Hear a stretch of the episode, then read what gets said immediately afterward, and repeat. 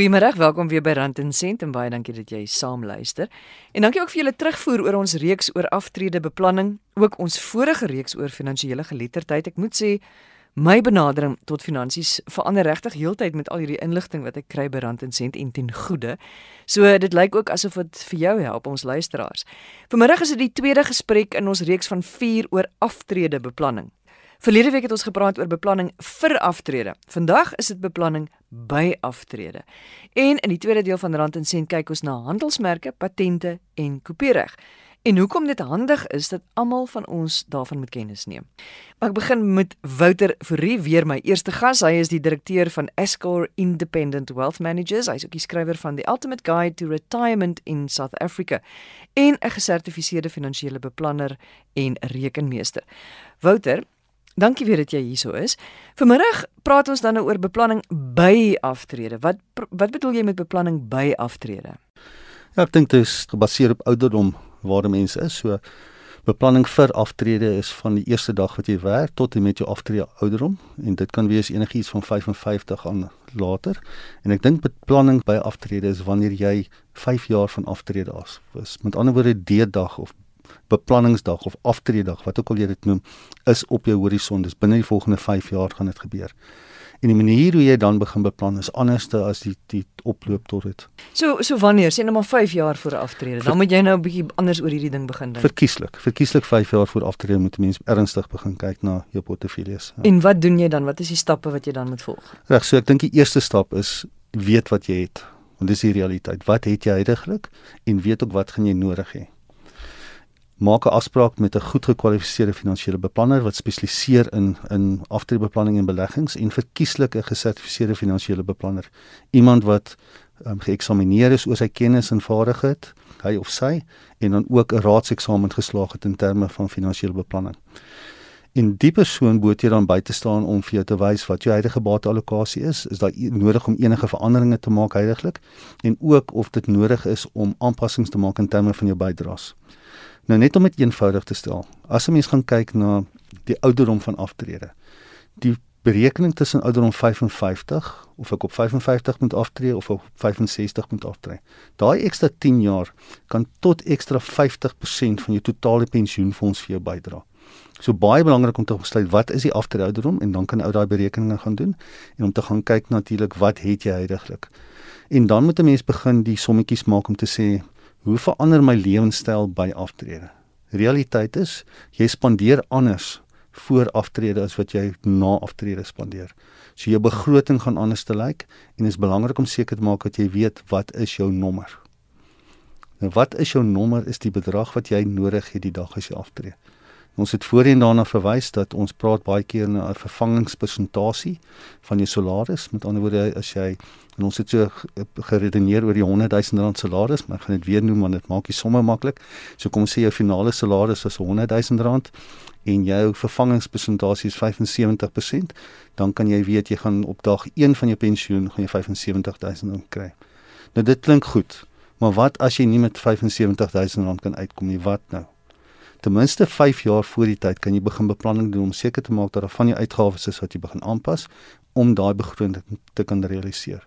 Jy wil nie die aftreebeplanningsverrassing van jou lewe hê om agter toe kom dat die volgende maand gaan jy nie genoeg geld kry om jou basiese behoeftes te kan dek nie. So dis die belangrike gedeelte voor aftrede hoekom ons hier staan om te kyk. As jy nou agterkom, veronderstel nou jy sit saam met iemand en jy kom agter o, gats, maar ek jy voel jy het nie genoeg nie. Wat doen jy dan? Wel, die eerste ding wat 'n mens moet doen is om te besef dit is die realiteit. Dis nie 'n storie nie, dis niemand anders se lewe nie, dis jou lewe. Die besluite wat jy nou neem, gaan die res van jou lewe beïnvloed.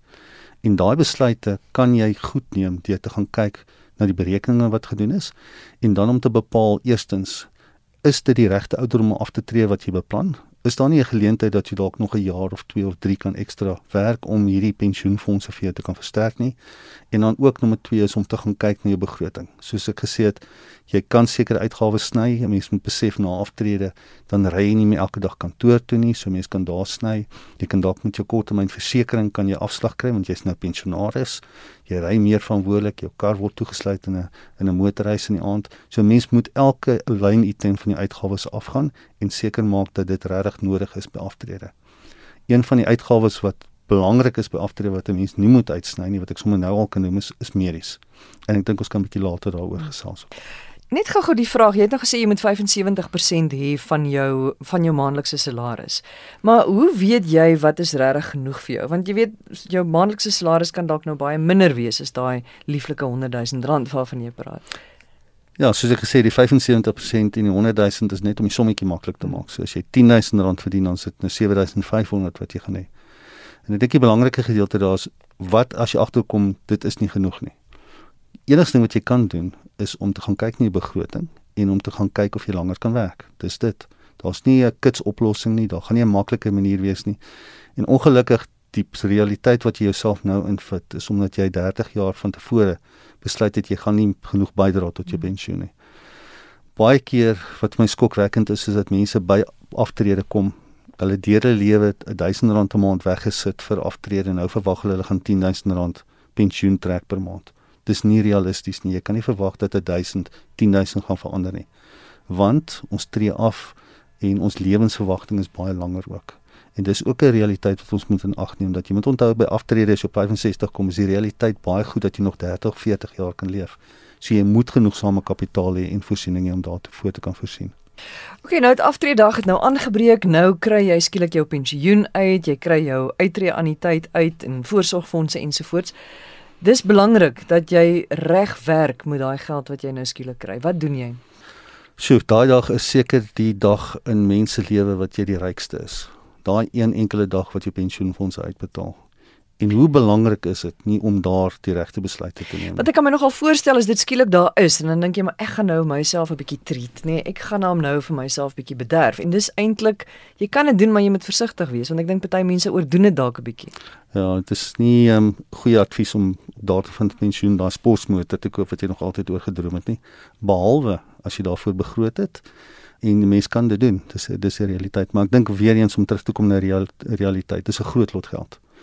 En die besluit wat jy daai dag maak, kan die res van jou lewe beïnvloed. As jy die verkeerde belegging doen, as jy te veel onttrek, gaan jy te veel belasting betaal.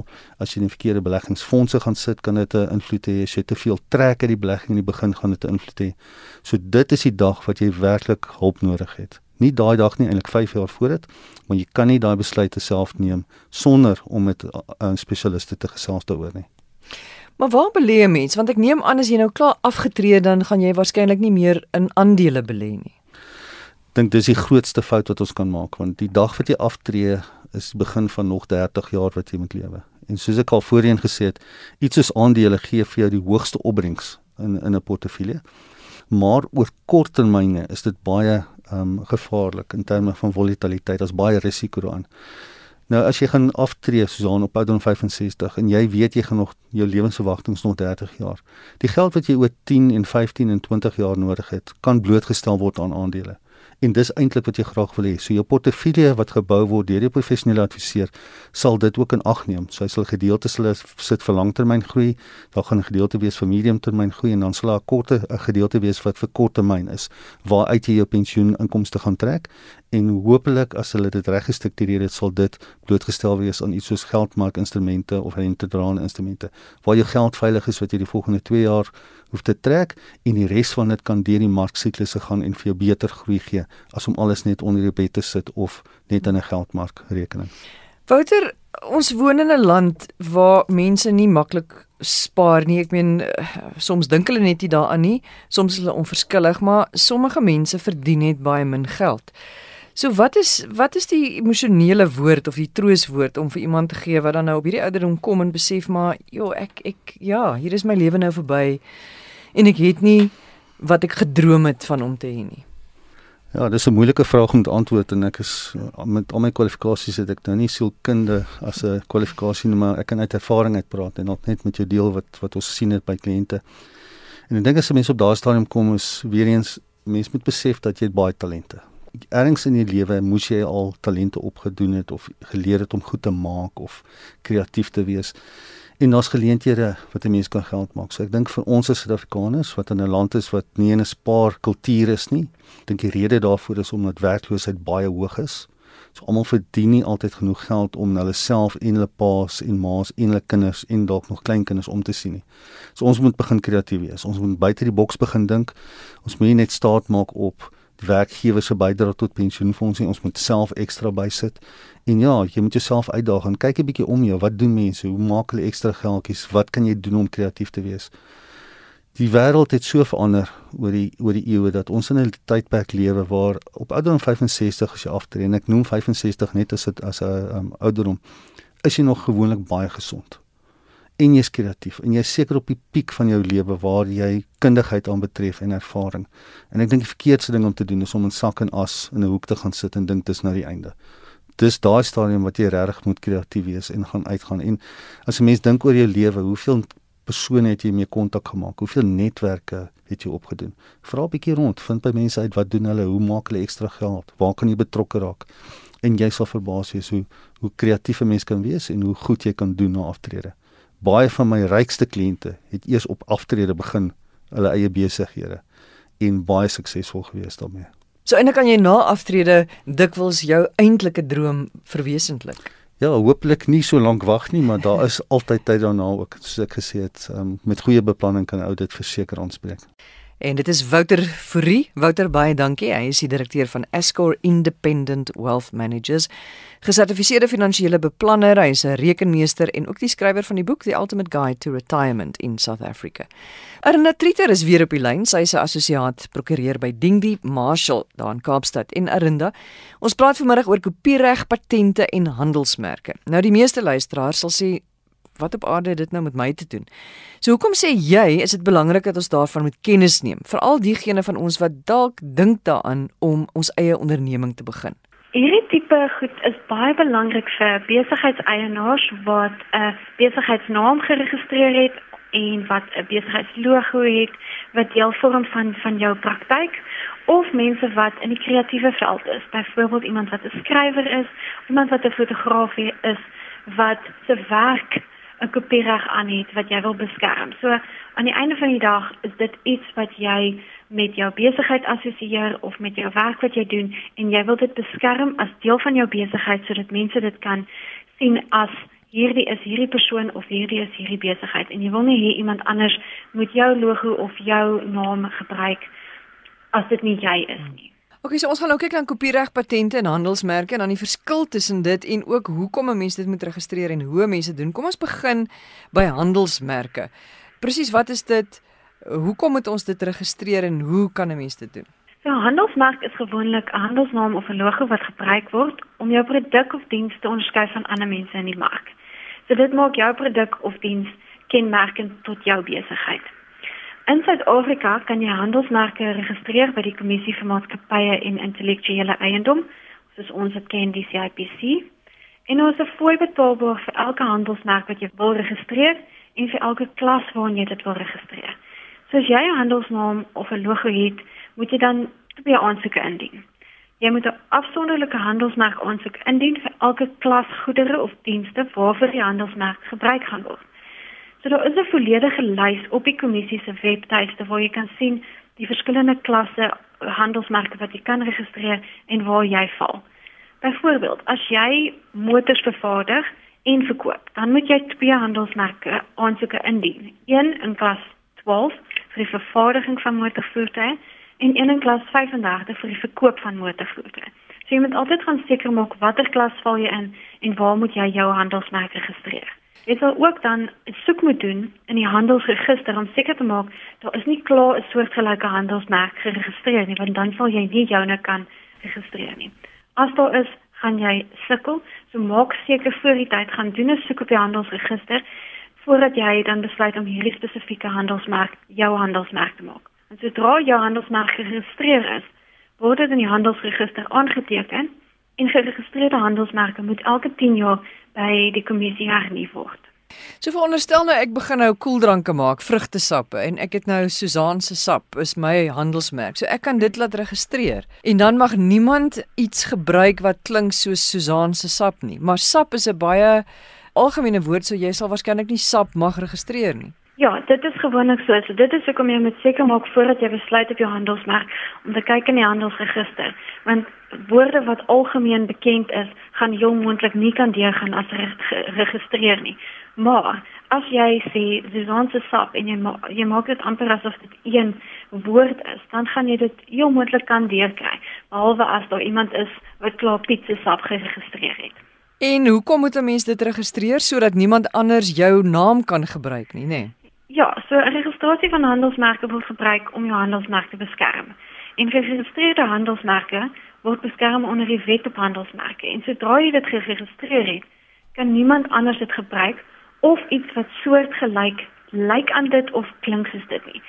So selfs al as jy 'n prentjie dan het, iemand kan nie dieselfde tipe prentjie kry of dieselfde tipe kleurskemas wat jy nou gebruik het in jou prentjie om te registreer nie.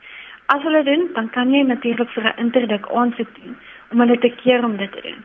In teenstelling daartoe, as jy nie jou handelsmerk geregistreer het nie, dan is dit moeilik om handelsmerk oortredings of ongemagtigde gebruik van jou handelsmerk te verdedig, want dan is dit in gevolge die gemeenereg en jy het 'n beperkte beskerming om op te steun. Is dit baie duur om handelsmerke te registreer? Dit is nie duur om handelsmerke te registreer nie. Daar is 'n voorbetaalbaar wat jy sal kan sien op CIPC se webtuiste afhangend van watter klas dit is. Maar as jy dan iemand kry om jou te help daarmee, want dit is nogal 'n ingewikkelde proses, gaan jy dalk 'n paar rand betaal om dit te doen. Maar op die einde van die dag, as jy dink daaraan hoeveel dit jou kos om dit af te dwing en as jy dit nie geregistreer het nie en jy moet dit kan bewys, dan gaan dit jou baie goedkoper uitwerk as om dit net registreer voor die tyd as om dit in die hof te gaan uitpaklei aan die einde van die dag. So kan ek net met jou seker maak met ander woorde as jy 'n besigheid begin of dit nou 'n klein tuisnywerheid is en of dit nou 'n loodgieter is en of dit nou 'n groterige maatskappy met 'n hele paar werknemers is, jy moet jou die naam van jou bedryf moet jy gaan registreer. Ja, want jy wil altyd seker maak dat die handelsmerk of die handelsnaam wat aan jou eie is, aan jou besigheid. Jy wil dit beskerm as eie tot jou. Jy wil nie hê so iemand anders wat 'n soortgelyke besigheid begin en jou naam gebruik en skielik al jou klante steel nie. So jy wil seker maak dat dit jou produk of diens onderskei van ander mense in die mark. Arinda kopiereg, wat is dit dan? Hoe werk dit? Kopiereg is nie iets wat jy kan registreer nie. Dit is 'n eksklusiewe reg wat ons reg gee aan die skepper van 'n oorspronklike werk. So dis wat ek vroeër gesê het, iemand wat 'n skrywer is, 'n liedjie skrywer of 'n kunstenaar. So daai kopiereg gee vir jou die reg sodat jou werk nie deur iemand anders gekopieer, versprei, aangepas of uitgevoer te word of verkoop word nie. So in Suid-Afrika kry jy kopiereg deur die wet op outeursreg. In Suid-Afrika die werke wat gewoonlik deur kopiereg beskerm kan word, is dinge soos literêre werke, musikale klankopnames, kunswerke, enige so iets.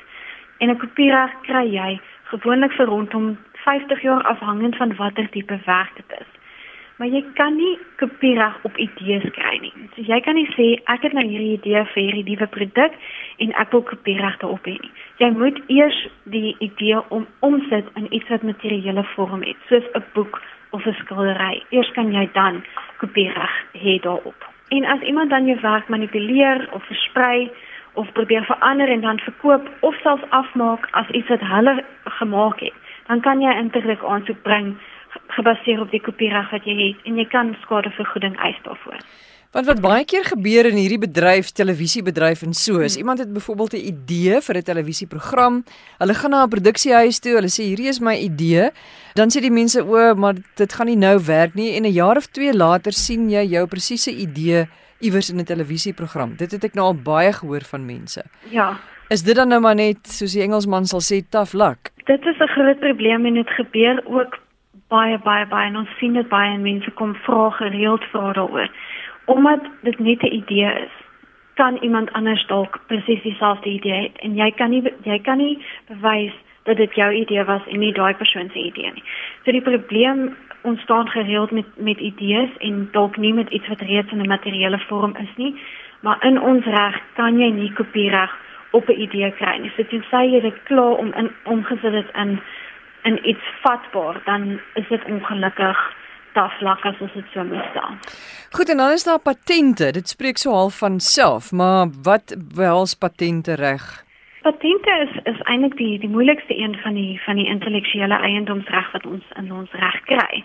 En 'n patent is 'n eksklusiewe eiendomsreg wat verleen word aan die uitvinder of die ontdekker van 'n nuwe uitvinding of of 'n innoverende produk, 'n nuwe proses, nuwe tegniese oplossing vir 'n probleem. So volgens die patentewet kan 'n patent verleen word aan enige uitvinding wat 'n innoverende stap behels. En dit is gewoonlik in die handel, die nywerheid of die landbou velde waar waar patente gewoonlik 'n verskyning maak.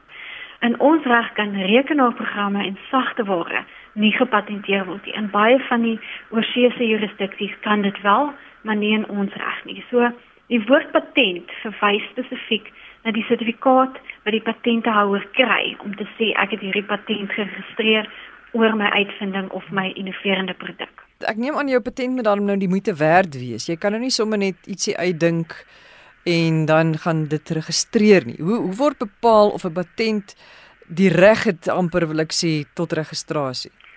Ja, dit is hoekom ek sê patente is is een van die moeilikes want om 'n patent te registreer moet jy kan bewys dat dit 'n nuwe uitvinding is. Dit moet iets heeltemal nuut wees wat nog nooit bestaan het of wat iemand anders nie reeds gedoen het nie.